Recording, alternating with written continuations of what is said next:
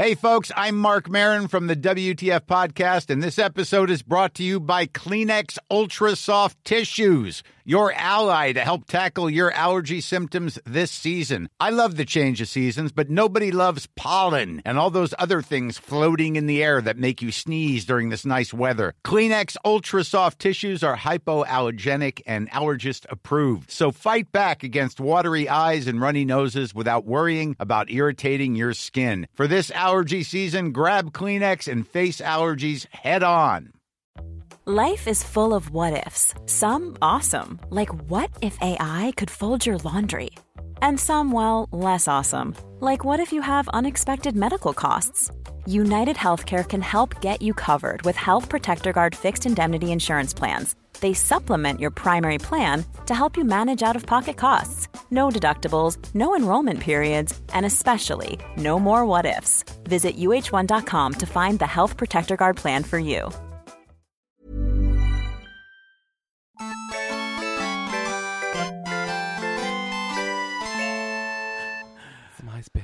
Smize.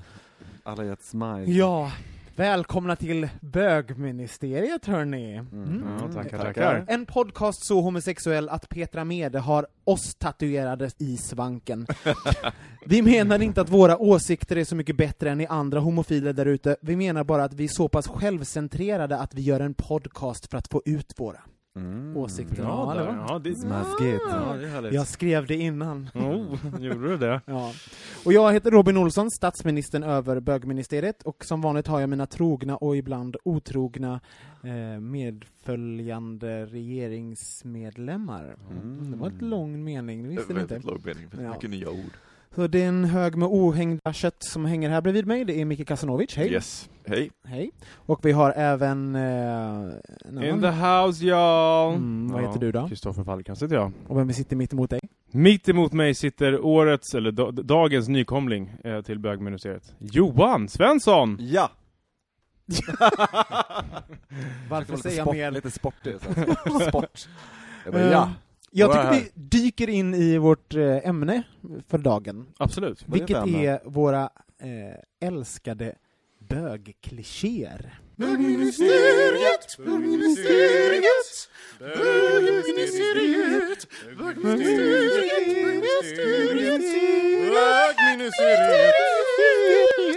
Och när jag säger bö- ordet bögkliché, vad, vad tänker ni på spontant? Alltså, spontant tänker jag på eh, vår, allas vår döda Whitney. Tänker jag på. Mm. Jag tänker på divor. Faktiskt. För, eller eh, divor och frisörer tänker jag på. Berätta, frisör. Det hör ju oftast ihop. Ja, det gör ju det. Ehm, nej men jag tänker så här, alltså om man tänker på vad som är så här bögigt och om man nu kan säga det så, så, så, så det som folk refererar väldigt mycket till tror jag är det här liksom glittret och lamporna och, och showen och det stora och det svulstiga och boor och allt vad det är. Ehm, som, det är någonting som piper väldigt mycket här inne. Som, men skit i det. Min pacemaker. Ja. Ber om ursäkt. Eh, nej men då kommer jag att tänka på Whitney, när du sa det. Mm. Eh, för hon är väl en av de största divorna som har funnits, får man väl ändå säga. Men Whitney köper jag men på frisörer. Ja men alla bögar är frisörer, och de som inte är det vill vara det. Eller ja, de flesta i alla fall. Nej, vet du, menar du alla frisörer är bögar? Nej, ja, nej. Det är väl en gråzon? Ja, eller? det är väl, en, gro- det är väl ungefär som att vara bisexuell, skulle jag säga. Johan, vad tänker du på? Uh, ja, vad tänker jag på? Jag tänker på alla, hmm, ja men alla stereotyper kanske, Mm. i och för sig. Alla, hela det här klustret av uppfattningar Mm, liksom, av vad en bög är. Det är väl det jag tänker på. Vilka, därför- vilka kluster tänker du på då? Ja men allt ifrån vad man handlar, vad man konsumerar till hur man lever sitt liv. ehm, Och det får man ju bekräftat varje dag från alla möjliga vänner som har känt en länge också, som tycker att man gör på ett visst sätt för att man är bög. Är Jag du en kliché då? Självklart. Jag gillar in väldigt god smak hemma. Men det där är så roligt med, med klichéer, för att jag, jag får också höra det, och det, det som är grejen när, när man tillhör en grupp som det finns någon slags stereotyp kring, för, jag menar, för mig, jag är likadan, för mig, jag Mm. tänker också på stereotyper när jag Mm. hör kliché. Och jag tänker att så fort man tillhör en grupp som det finns stereotyper runt, så kommer ju folk alltid leta efter den stereotypen hos en, så fort de känner till att man är en del av den gruppen. Men om du blir mer personlig, på vilket sätt är du en, eh, en kliché? Jag tror att jag snarare får höra när jag inte är en kliché. Det var så här, det där var ju väldigt obögigt. Men inte det att, jag tänker att det är den nya bögklichén, att inte vara bög. Alltså, förstår Att du? inte- Straight acting Ja, men det här fruktansvärda ordet. Ja. Fast jag tänker, men jag tänker så här, när jag eh, till exempel så här, instruerar, att jag instruerar då på gym och jag instruerar body pump och body combat som inte är så här ja, kly- eh, klyschigt, dansigt. Så. Jaha, nej. Ja, Fast nej, att vara gyminstruktör. Så att jag blir, så att jag blir, ja men typ den. Eller Ja. vad, vad, jobba, när jag jobbade som PT, att folk, att folk då är såhär, men det där var ju väldigt obögigt. Mm. Jag tycker det är jättebögigt att jobba som Och att man blir... Nej, men det, det kan det vara, det kan det vara, så kan det vara. Men jag, och jag, jag menar, för mig så spelar det egentligen ingen roll, men jag tänker att folk letar ju alltid efter de klichéerna. Eller, eller om man tar det här klassiska, man är tillsammans med någon, man är kille och tillsammans med en annan kille. Och då kommer hela den här kly- klyschan, ja men vem av er är kvinnan? Bara för att så här, det, är det, det är det man letar efter. Vad brukar du svara då, när, när du får en sån fråga? Vad svarar du? Det, det, är som att, eh, det är som att gå in på en kines, kinesisk restaurang och fråga vilken av pinnarna som är gaffeln. Den högra, det vet väl alla? Nej, fast, eh, fast jag tycker idag att bögkulturen handlar väldigt mycket om konsumtion. Vem man är på grund av vad man handlar, det blir också ens identitet och det är så man blir speglad ganska mycket. För jag läste i en artikel om att eh, så här, Teen Vogue, eller Vogue Teen, att eh, där fanns liksom en eh, gay best friend som ett must have item. Och det handlar ju väldigt mycket om att, att man har den här gay best friend som en, en slags markör som hjälper en i ens shopping och vem man ska vara, så att säga. Men de har gjort oss till accessoarer istället. Ja, vid ett Lite must have item, vid ett must have item istället på, på något sätt som, som ska gå vid en sida liksom och hjälpa en att, att handla rätt och så. Men jag tror ju att eh, vi är ganska kära i våra klichéer också. Alltså vi, vi, när vi får den bilden kastade på oss så är vi ganska bra på att ta emot den också. Men alltså jag måste säga att jag tycker att, att klichéerna känns starkare inom bögvärlden. Alltså vi sätter, vi pratar mer klichéer känns det som än vad den straighta världen gör. Alltså att så här, eh, vi har alla typer av bögar och alla olika kategorier av bögar som bara bögar känner till. Eh, så här muskelpullan och, och discofjollan och whatever liksom. Eh, som för den straighta världen, för de är det så här, ja det är bögar typ. Men vi har en hel, hel underkategori med olika eh, fack som man ska delas in i och sådär. Så att det, den här klyschan lever ju väldigt mycket hos oss i våran värld också kan jag tycka. Men det är ju hela tiden den här självidentifikationen som kommer in, att så här, jag vill identifiera mig själv som, som någonting mer, alltså just det här att identifiera sig inom gruppen, ja men jag är en björn, eller jag är en utter, eller jag är en twink, eller jag är en läderbög. Jag tror inte att heterosexuella identifierar sig själva som en grupp heterosexuella. Det, är, alltså, utan det blir sån här, jag är en hipster, vilket ingen skulle erkänna.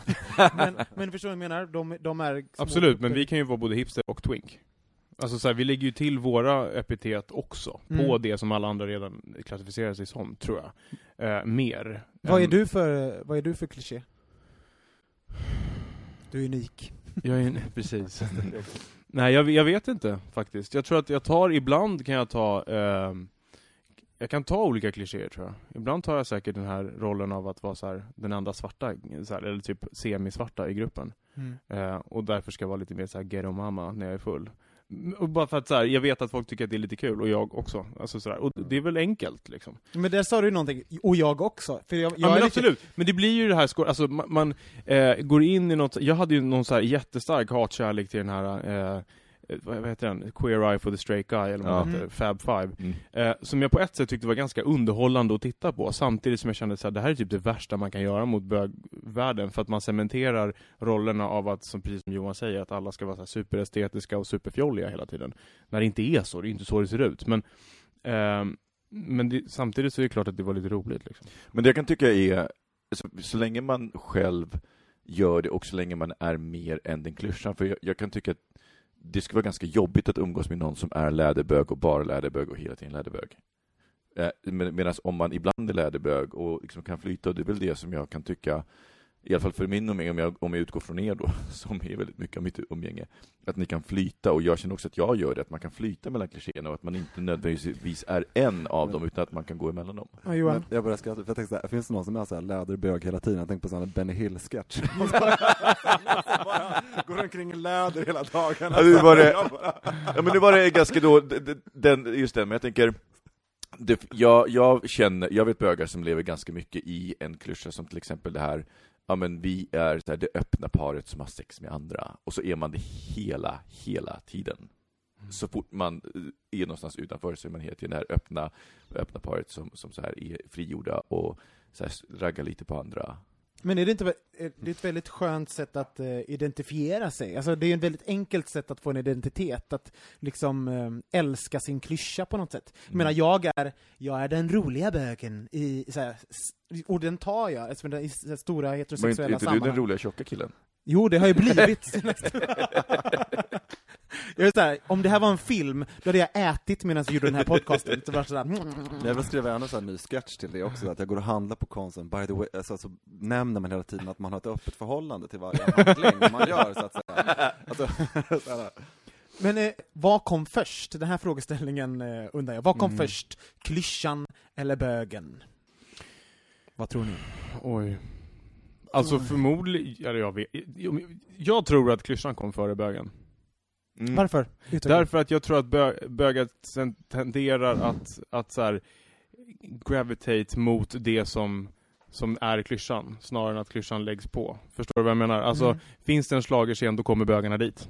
Okej, men varför är det så? För jag minns när jag var liten, och när jag, oj, med tanke på förra podcasten där vi bara pratade om att, eh, ja, hon, när man var liten och Kissa på getter och sånt där. Ja, kissa på getter. Nej men, jag minns innan jag ens började tänka i så sexuella banor, att, att man inte definierat vad man var, så var jag väldigt fascinerad av slagen. Alltså du vet, i, schlagerfestivalen var, alltså det var ju det bättre än jul liksom. Och sen, och sen när jag kom ut, då lades det på mig, men du är en schlagerbög. Jag bara, oj, är jag det? Jag har ingen aning. Det, alltså, Ja, det är tänk, så konstigt att vissa saker, men jag tänker återigen, jag tror att alla, jag tror inte att bögar är unika och har klyschor om sig. Jag tror att alla grupper har klyschor om sig så fort de är en minoritet.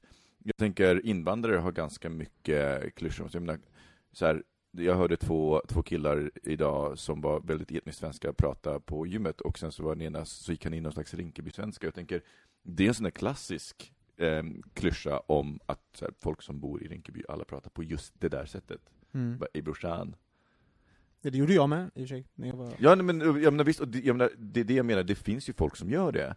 Hammar, men det är inte nödvändigtvis så att alla gör det, men jag tänker, men jag tänker det finns väldigt få klyschor om, om de som tillhör en majoritet. Fast du pratar ju, jag vet inte om du pratar en klyscha eller om du pratar en kulturell yttring, förstår du? Att det Eller fördomar. att, att en ja. in, invandrare som bor i förorten pratar Rinkeby-svenska, eller en svensk som bor i Rinkeby pratar Rinkeby-svenska, det är ingen, är det en kli, kliché eller är det bara en, det är en dialekt liksom? Ja, fast den, är, den låter ju inte likadant. Den där Rinkeby-svenska är ju inte...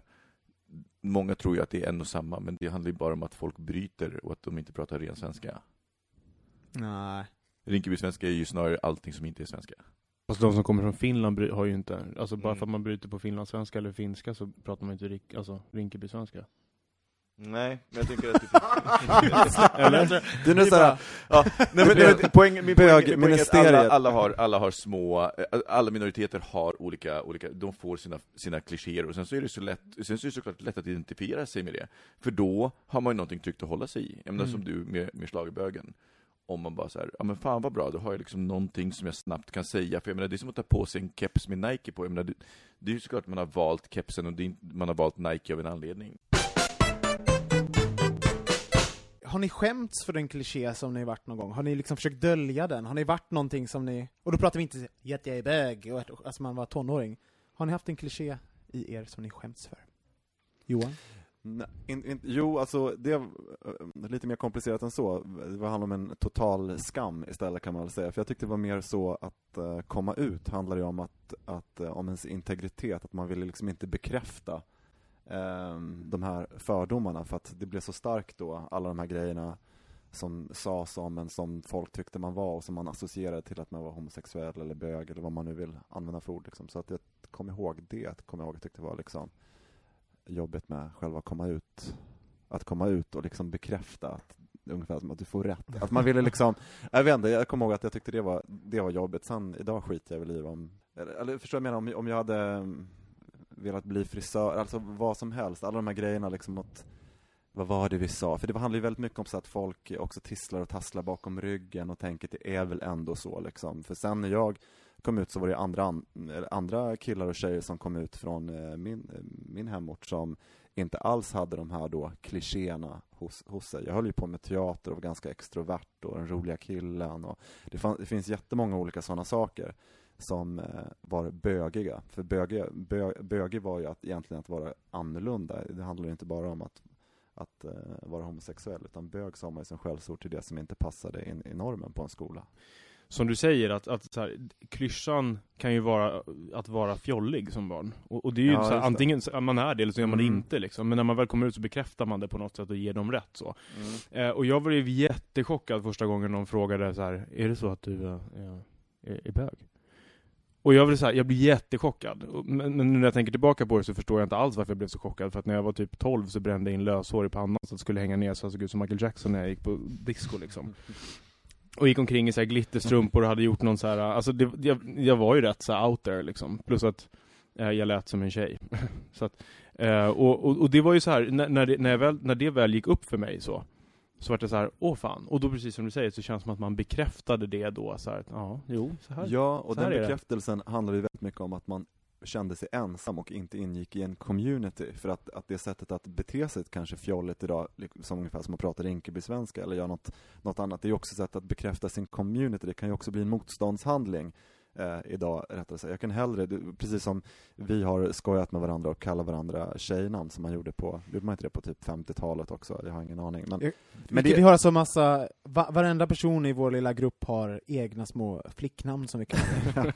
Ja, och det kan man säga att det blir som en, en, liksom en twist på allting en gång till. För, att det liksom, för mig handlar inte det om att, att bekräfta en någon fjollighet, utan det är att bekräfta community. Det är nästan som, ja, Men Men kräva att meta. reclaim. ja men det är lite, ja, men lite grann så, att, att man gör det där liksom. eh, Ja, precis. Att man, det en, kan vara en motståndshandling också, och eh, handla om community mer än att man inte kan prata rikssvenska eller bete sig Mm. manligt och enligt normen. Men Micke, du, du är till exempel, du är ju en, eh, en sån här manlig bög. Det roliga är att Micke är den enda i det här gänget som inte har J-namn.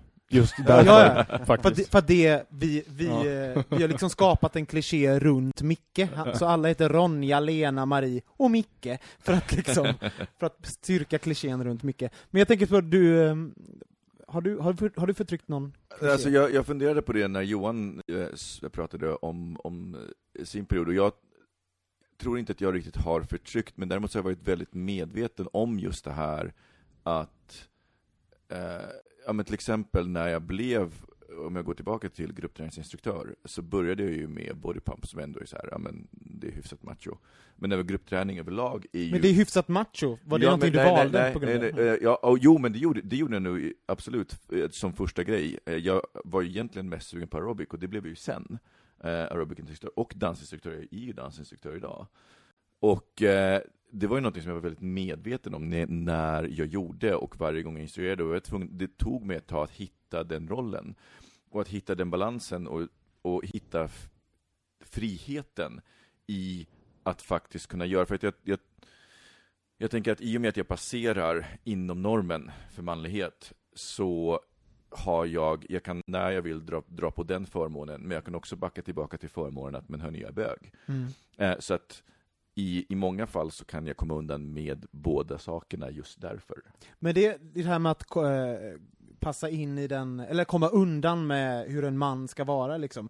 Jag hamnar någonstans där mittemellan, eh, vilket gör att ibland får jag höra så här, men gud du är inte alls fjollig, du, du skulle kunna vara hetero, och så är det som en komplimang. Oh. Du vet att jag ska säga, åh tack! liksom. Med den Så- rösten också. Ja, åh tack!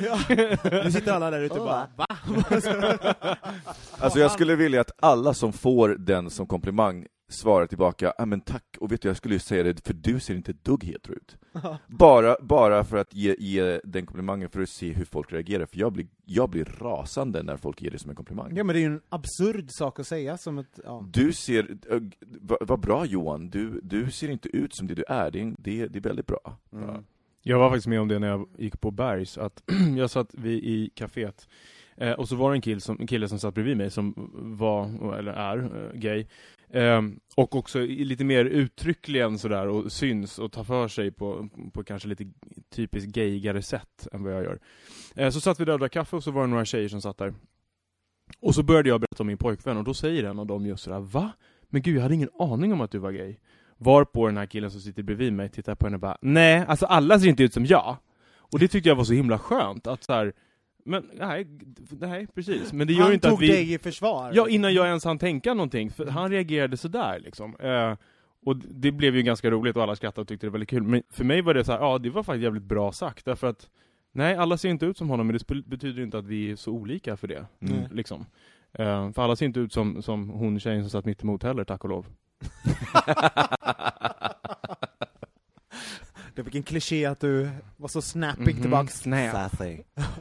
Men jag-. Eh, ni minns när jag, när jag kom ut, jag var 16, då, eh, då blev jag en kliché. Jag, eh, för att jag anammade alla de här eh, typiska, jag blev jättefjollig, och bara Wii! Och att, ja, men jag skapade mig själv, och jag tror det handlar mycket om att jag ville vara med i gruppen. Mm. Och sen så när tiden gick, då bara, åh, ty- var det lite jobbigt liksom att bara springa runt och twirla liksom genom trappuppgångarna allt jag höll på med. Så, Men Gillar ni dem då? Gillar ni klichéerna? Eh, vissa, vissa inte. Mm. Vilka gillar du inte? Eh, Jag gillar inte klichén om att bögar skulle vara veka, till exempel. Eller, det kanske inte är en kliché, det kanske bara är en föreställning. Eh, Jag kanske måste hålla isär begreppen. Men, ehm, och med vek menar jag inte fjollig. För det, det finns ju en annan grej som, som är i, bögvärlden också, att vi tenderar att, att ehm, eh, gradera hur ju, hög, ju högre upp på, på eh, liksom statusskalan du är, oftast desto manligare är du. Vilket tycker jag, eller så här manligt, klichébilden Mm. av vad manligt är. Eh, Medan en fjolla är lite så här, ja men det är en fjolla, och så åker den ner. Vilket jag tycker är jättekonstigt. Alltså, Mm. vi, jag måste säga att alltså, det var det jag var lite inne på förut, att vi som, som gay-community är ganska dömande i våra klichébildningar av de andra i, det i våra community. Så. Jag tycker vi är värre än nästan alla Ja, och det är grupper. det som är så konstigt, för jag menar någonstans har vi alla varit där utanför och eh, har liksom känt att man inte har hört hemma. Och så kommer man in och hittar sin plats och då helt plötsligt är det helt nya regler och ännu hårdare krav som ska uppfyllas. Men Eh, jag tänker att vi lever ju eh, efter, efter samma regler som resten av samhället. Så jag tänker att vi tar egentligen, vi tar ju det som vi är uppväxta med, men vi bara gör det större. Så att, så att när, vi, när det kommer in i, i, så att säga, i vårt community så, så, bara, så får det en How would you like to look five years younger? In a clinical study, people that had volume added with Juvederm Voluma XC in the cheeks perceived themselves as looking five years younger at six months after treatment. Look younger, feel like you. Add volume for lift and contour in the cheeks with Juvederm Voluma XC. Reverse signs of aging by adding volume to smooth laugh lines with Juvederm Volure XC. For important safety information and to find a licensed specialist, visit juvederm.com. That's J U V E D E R M.com. Not for people with severe allergic reactions, allergies to lidocaine, or the proteins used in Juvederm. Common side effects include injection site redness, swelling, pain, tenderness, firmness, lumps, bumps, bruising, discoloration, or itching. There's a risk of unintentional injection into a blood vessel, which can cause vision abnormalities, blindness, stroke, temporary scabs, or scarring. Talk to a licensed specialist to find out if it's right for you. Hey, I'm Ryan Reynolds. Recently, I asked Mint Mobile's legal team if big wireless companies are allowed to raise prices due to inflation. They said yes. And then when I asked if raising prices technically violates those onerous two year contracts, they said, What the f are you talking about, you insane Hollywood ass? F- So to recap, we're cutting the price of Mint Unlimited from $30 a month to just $15 a month. Give it a try at mintmobile.com slash switch. $45 upfront for three months plus taxes and fees. Promo rate for new customers for limited time. Unlimited more than 40 gigabytes per month. Slows. Full terms at mintmobile.com. There's never been a faster or easier way to start your weight loss journey than with PlushCare. PlushCare accepts most insurance plans and gives you online access to board-certified physicians who can prescribe FDA-approved weight loss medications like Wigovi and Zepbound for those who qualify. Take charge of your health and speak with a board-certified physician about a weight loss plan that's right for you. Get started today at plushcare.com slash weight loss. That's plushcare.com slash weight loss. plushcare.com slash weight loss. Exponentiell ökning. För jag tänker att i, traditionellt ute i samhället så är det ju så manlighet värderas högre än kvinnlighet i de flesta områden. Och sen så kommer det in till oss och då blir det, då blir det ännu mer utstuderat, ännu mer, ut, eh, ännu mer markerat. Så Du menar att det är ett uttryck för, ja men, För den heterosexuella normen helt enkelt då? Hetero, ja, precis. Heteronormen eller könsnormen egentligen. Eh, som, för jag tänker att det är så svårt att skilja också, för att många av de klichéer som finns som bögar är ju egentligen kli- klichéer som finns som kön. Som vilka då till exempel? Nej, men jag tänker just på det här med, med vekhet. Jag menar, så här, traditionellt så har ju... Så har ju Det svaga kvinnor- könet. Det svaga könet, eller att eh, kvinnor inte skulle göra lumpen för att de, de klarar det. Ja, men det finns ju massa sådana föreställningar. Um, fortfarande så ser jag att i vissa, i vissa städer så finns inga kvinnliga brandmän. I Stockholm till exempel tror jag det finns en kvinnlig brandman. Eh, Men nu är vi inne på väldigt mycket så här eh, klichéer som, eh, som skulle vara, att det skulle vara någonting negativt. Ha, har, vi, har vi som eh, bögar, har vi någon kliché som stärker oss, som gör att, ja men, vår- Men jag tror att alla klichéer kan vara, för jag tänker precis, för när du pratade om att komma ut och leva och leva upp till det, jag kan vara lite avundsjuk på det, för att jag valde ju helt, den, helt åt den andra sidan, att jag valde att distansera mig ehm, från, från egentligen, så jag, jag, jag gick med lite grann, men sen så var, sen så var det stopp. Eh, och jag tänker att, kliché, att, att gå med i klichén, det är ju också ett sätt att här, tillhöra gruppen, att verkligen gå in i gruppen och tillhöra den och markera sin tillhörighet inom gruppen. Ehm, och det är också en sån här social funktion, för jag tänker vi som, som människor tar ju efter, om vi vill tillhöra en grupp så brukar vi ta efter den gruppens både sätt att prata och sätt att bete sig. Det är någonting som, som ligger i oss eftersom vi är sociala varelser. Men ex, eh, eh, i Oj. mitt exempel så var det så här, jag, jag bejakade, men sen insåg jag också att Gud, jag får inte ligga om jag gör så här. Så det var så att medvetet, det förstår inte jag. att eh, jag, eh, när jag kom ut så var jag, eh, ja men, wii, väldigt, eh, ja, inte, inte så eh, manlig helt enkelt.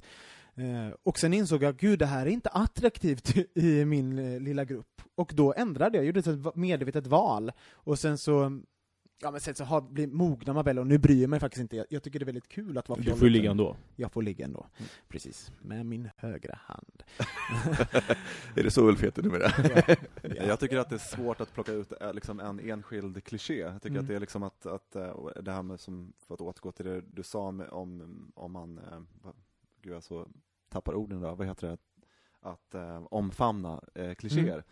Så tycker jag det handlar om att, om, det handlar om att omfamna en, en, en community på något sätt. Att, att, eh, att om det inte finns någon diskriminering, då behövs liksom inte ett community och i communityt så finns det också de här eh, klichéerna som kan användas i ett, i ett stärkande syfte. Där eh, tänker jag också att det, du har ju helt rätt i att klichéerna har, eller just den här bitchigheten som du också pratar om, att, um, som din snabba comeback där, att det um, är så mycket mer, ska jag säga, nu slänger mig med ord prevalent, eller att det, att det förekommer så mycket mer bland bögar.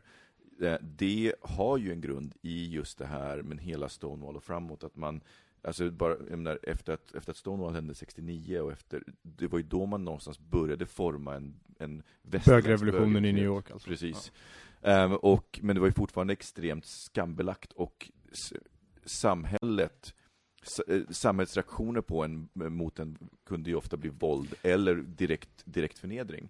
Och då att förnedra varandra var ett sätt att stärka varandra, så att istället för att jag, så att, så att genom att vara bitchiga mot varandra så kunde man hantera det man fick från samhället. Ni fick en uppgift av mig, och det var ju att eh, komma på en, en kliché i bögvärlden som inte är representerad, som borde vara representerad. Tycker Åh, får jag säga något? Börja. Ja! Ja! Och Kristoffer, börja. Varsågod. Nej men vad jag tänkte på var att bögar tenderar att vara ganska snabba och witty och, och sådär, om man, eller bögar, ska, en del bögar, så ska jag säga. Vi pratar klichéer. Jag pratar klichéer, precis. Ehm, men någonting som har förvånat mig är att det är väldigt få bögar som är stand-upare.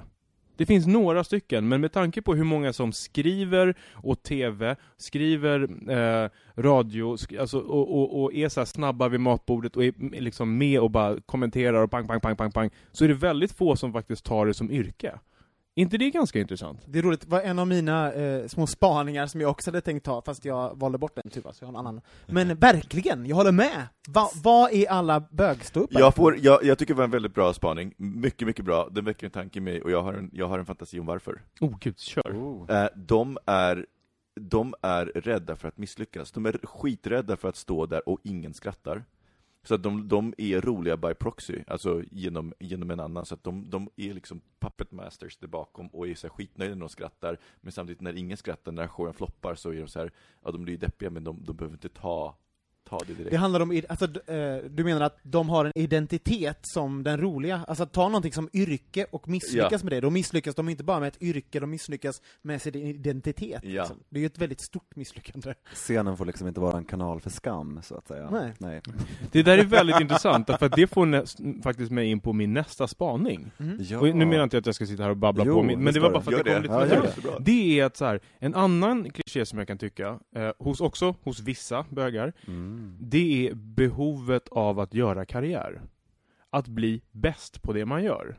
Eh, och jag vet inte om, om det är bara jag som tycker det, men jag, jag känner väldigt många av, av eh, mina vänner som är gay är betydligt mycket mer karriärfokuserade och, och också framgångsrika i sin karriär än vad, eh, än vad sidan av mina Men är inte det en kliché? Det jo ju men en det kanske kliché. är en kliché, och jag undrar så här, har det att göra med att så här, eh, jag ska minsann visa dem? Alltså att det Sitter det finns tre någonting i den? personer här som faktiskt har läst eh, boken som Johan började rekommendera. Återigen en referens till Velvet Rage. Precis, Ja. eh, Som jag inte har som läst. är en bok som vi så småningom tror jag måste ha en hel Vi podcast ska göra om. ett helt program om den. Eh, Ja, men, det är eh, så för där finns det en förklaringsmodell till det, men jag håller med att jag tycker nästan att det är en, en klyscha. Det är en kliché. Man Och kan jag tror det här, också det här med, med barn, alltså man, vi har, vi, det är väldigt få som får eh, barn, Mm. faktiskt. Och då, Ja, det har ju också sina naturliga skäl kanske.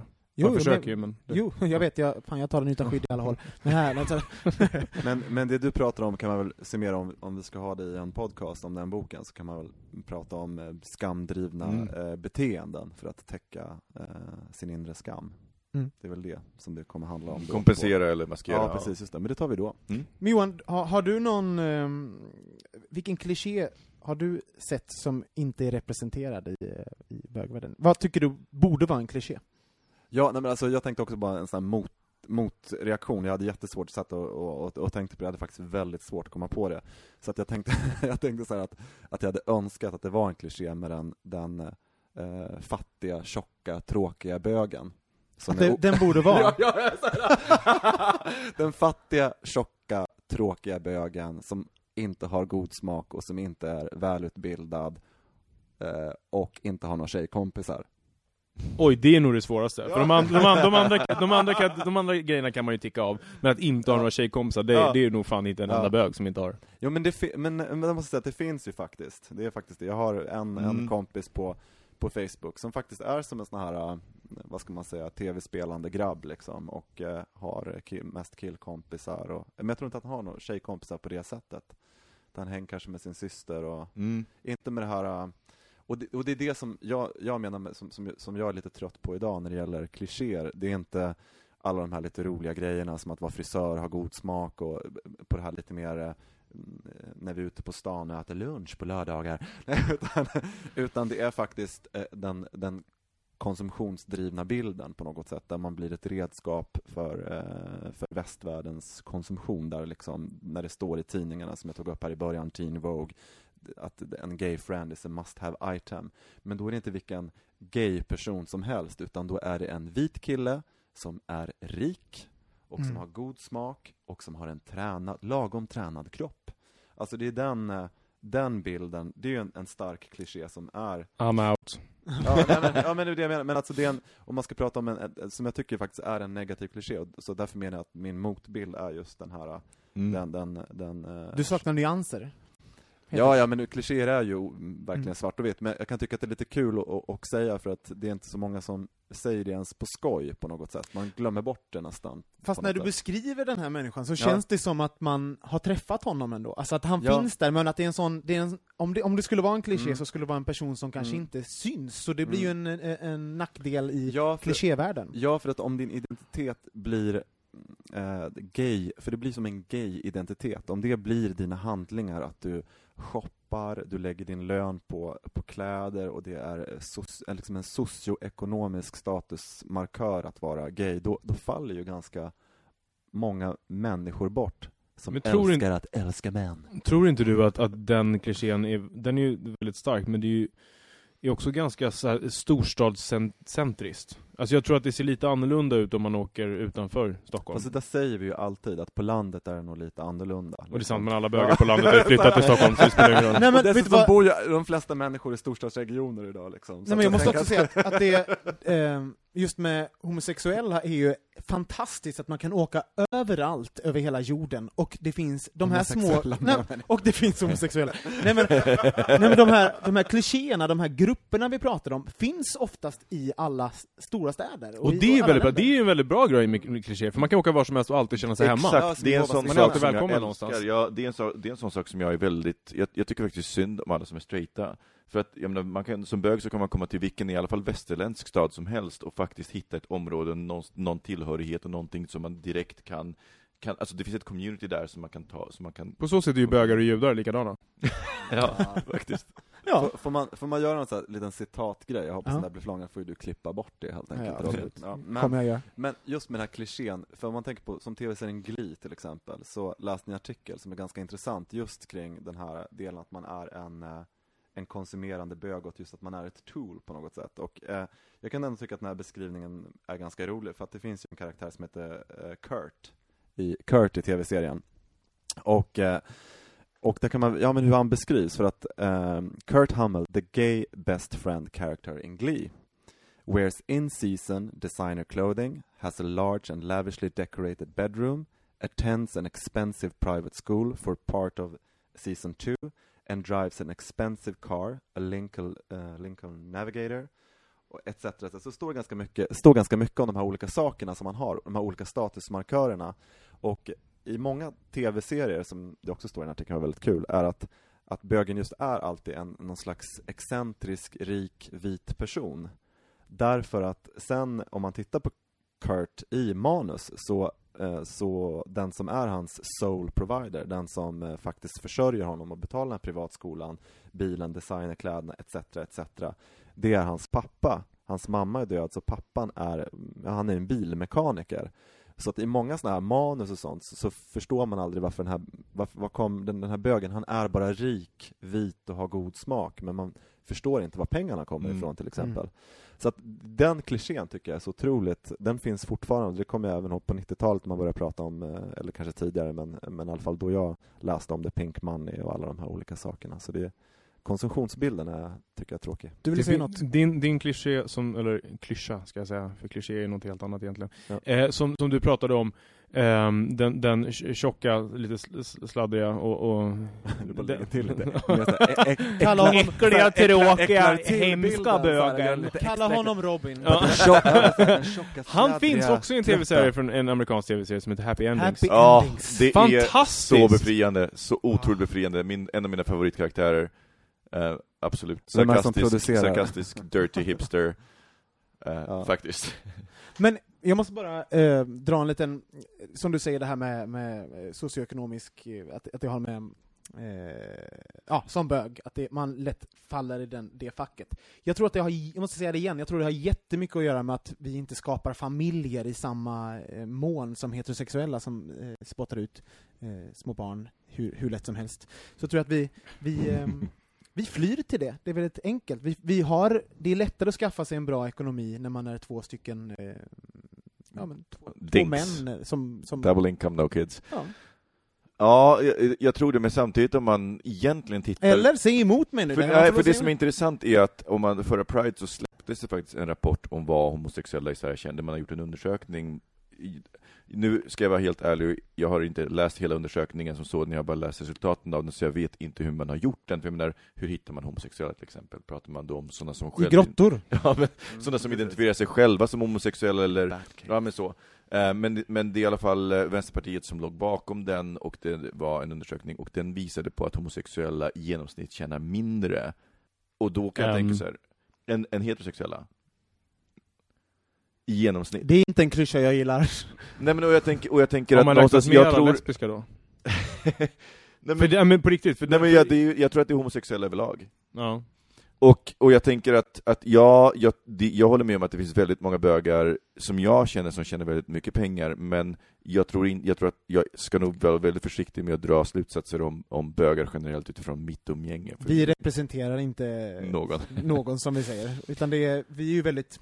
Så att, jag, så att jag är nog mer inne på, på, jag är faktiskt inne på Johan, jag tycker att den var väldigt, jag skulle också hemskt gärna vilja se en, för det skulle bredda bilden av homosexuella, det skulle ta bort lite av det här glam, glamorösa, och om jag får spinna på min spaning Mm. så är min, eh, jag har två, eh, den första är egentligen en antispaning, och det är en sak som är gay, men som jag, ty, jag fattar inte varför, och det är Melodifestivalen.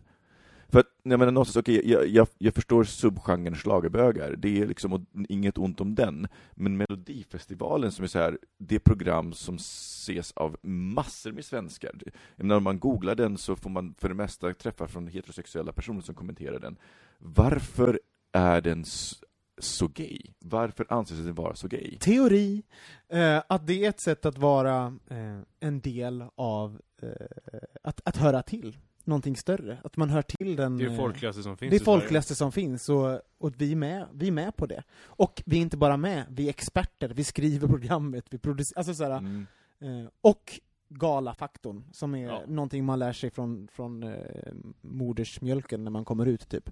Eh, det, det, det var din anti... Ja, nej, men för egentligen, det jag, det jag funderar på det är lite åt Johans håll, att det finns egentligen väldigt lite klyscha så här, matematiker eller programmerare och bög, och jag mm, försökt hitta den, men jag läste någon gång en undersökning om som visar att programmerare, att bögar är, är överrepresenterade bland programmerare, vilket inte skulle förvåna mig ett dugg. Varför?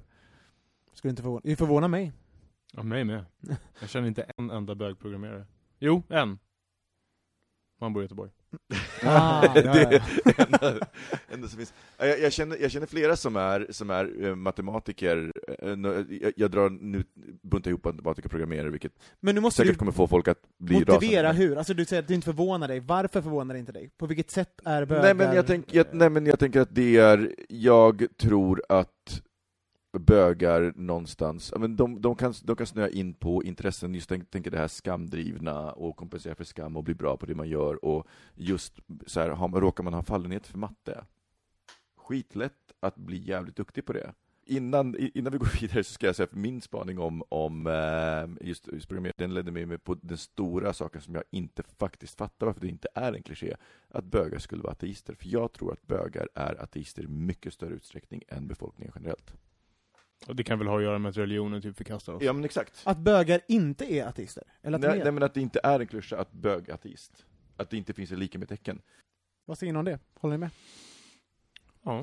Eller liksom, Ja, ja, gud vad svårt. Jag, för jag nu, man tänker ju, jag pratar, pratar ju bara utifrån de jag känner och jag har också märkt en väldigt så här, en, en ny, ny andlighet också bland många homosexuella vänner. Ja, Nu känner jag till och med tre stycken som utbildar sig till Ja. präster och eh, så jag, jag märker det också att, att eh, om kanske att faktiskt kyrkan öppnas lite mer så det finns en väg tillbaka för de som är sökande och Mm. tack Ma Oftedal för det. Det kanske Ja. kommer en liten, ehm, en liten religion-boom snart då helt enkelt. Ja men det kan det nog vara, men, men eh, för att eh, Nu gör Kristoffer miner här. Det kommer stå i Teen Vogue.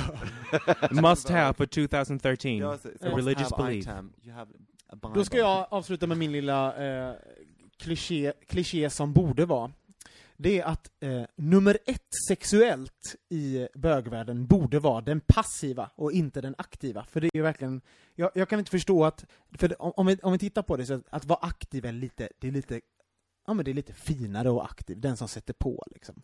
Och det har ju med heteronorm och bla bla. Men jag kan inte förstå att när vi, när vi liksom på något sätt omfamnar gala och, och melodifestivaler och läd, läder och glory holes och allt. Jag tycker den passiva borde vara way up there och bara liksom, ja men, Ja men the, alltså, the power bottom kommer väl alltid vinna över... the power bottom. Ja, precis. The power bottom. Det är det vi ska borde döpa det här så- avsnittet till. Ja men så här, det, typ när, när vi sitter här nu och, och så, så, kommer vi in på så här sexuella preferenser, då ska man liksom slåss om att få erkänna om den som är power bottom eller inte. Att det ska vara någonting, Men det, går ju, det knyter ihop säkert ganska bra, för det kommer ju tillbaka till den här hierarkin som vi pratade om i början. Att vara power bottom är per definition att vara feminin. Jag menar, om man tittar Nej, på... inte powerbottom, för powerbottom är en aggressiv bottom. Det är den som tar för det, sig det är den som sätter hoppar Det- på det kuken och Den knullar fast, det- dig. Fast, den, fast den är fortfarande, det är fortfarande så att en bottom befinner sig under den aktiva mannen, för det är fortfarande en, det, det är en kvinna, men det är en, ag, en aggressiv kvinna, men det är fortfarande en kvinna. Aggressiv kvinna, vad roligt. Nej men om man ser det, om man ser det rent krasst. Om man ser det Till alla er nu, där ute. bara- nu nu är Det är jag bara en så här rent kategoriskt och krasst, men, men Ja, någonstans så, så handlar ju de värderingarna om, om just, eh, de är tillbaka till man, eh, manlighet, manlighet är att sätta på, jag menar, det- får vi lära oss redan från skolan, så här, män är de som sätter på, kvinnan är den som, som är passiv, som får någonting infört, hon som ger upp. Men anledningen till att du gjorde den, den lilla spaningen var så här att jag, jag ser en liten förändring. Jag tycker ändå att, att passivas eh, status har höjts lite grann. Om jag tänker typ när jag kom ut här i slutet av 90-talet, mitten av 90-talet, så, eh, men då var det ju så här, det var ingenting man, jag gick ju bara 'jag är aktiv' eh, eh, eh, som säkert intalar mig massa år. Men jag menar, eh, nu tycker jag att folk i mycket större utsträckning skulle kunna säga det utan att skämmas. Nej men Mm. gud, jag älskar kuk i röven. Liksom. Det kanske, Ja. jag, jag ser inte att det skulle hänt i början av 2000-talet till exempel. jag, vet inte, ni kanske ni... Nej, men Inte det är det, ja, det, Ja. så är det. Eller Saker och ting förändras, jag menar Charlotte Perrelli gick inte vidare i Melodifestivalen, och nu blir power bottoms, de åker upp på skalan. Det är väl Ja, jättehärligt? precis, exakt. Jag tycker vi avslutar med de orden. Eh, vi är bögministeriet och vi kommer tillbaks nästa veka. En sak vill jag bara säga innan vi säger hej då, Ja. och det är att gå in på bögministeriet.se, där kan ni kommentera och tycka och tänka och eh, eh, Lajka. Om Och ni nu sprid. likar. Och sprid vår uh, STD, vad på säga. Och när vi ändå gör skamlösreklam så kan ni också följa oss på Twitter på bogministeriet. Precis. Mm. Perfekt. Tack för Puss att och ni kram. lyssnade. Puss och kram. Hej hej! Hej då! Mom deserves the best, and there's no better place to shop for Mother's Day than Whole Foods Market. They're your destination for unbeatable savings, from premium gifts to show-stopping flowers and irresistible desserts. Start by saving 33% with Prime on all body care and candles. Then get a 15-stem bunch of tulips for just $9.99 each with Prime. Round out Mom's menu with festive rosé, irresistible berry chantilly cake, and more special treats. Come celebrate Mother's Day at Whole Foods Market. Hold up. What was that? Boring. No flavor. That was as bad as those leftovers you ate all week. Kiki Palmer here, and it's time to say hello to something fresh and guilt-free. Hello Fresh. Jazz up dinner with pecan-crusted chicken or garlic butter shrimp scampi. Now that's music to my mouth. Hello Fresh. Let's get this dinner party started. Discover all the delicious possibilities at hellofresh.com.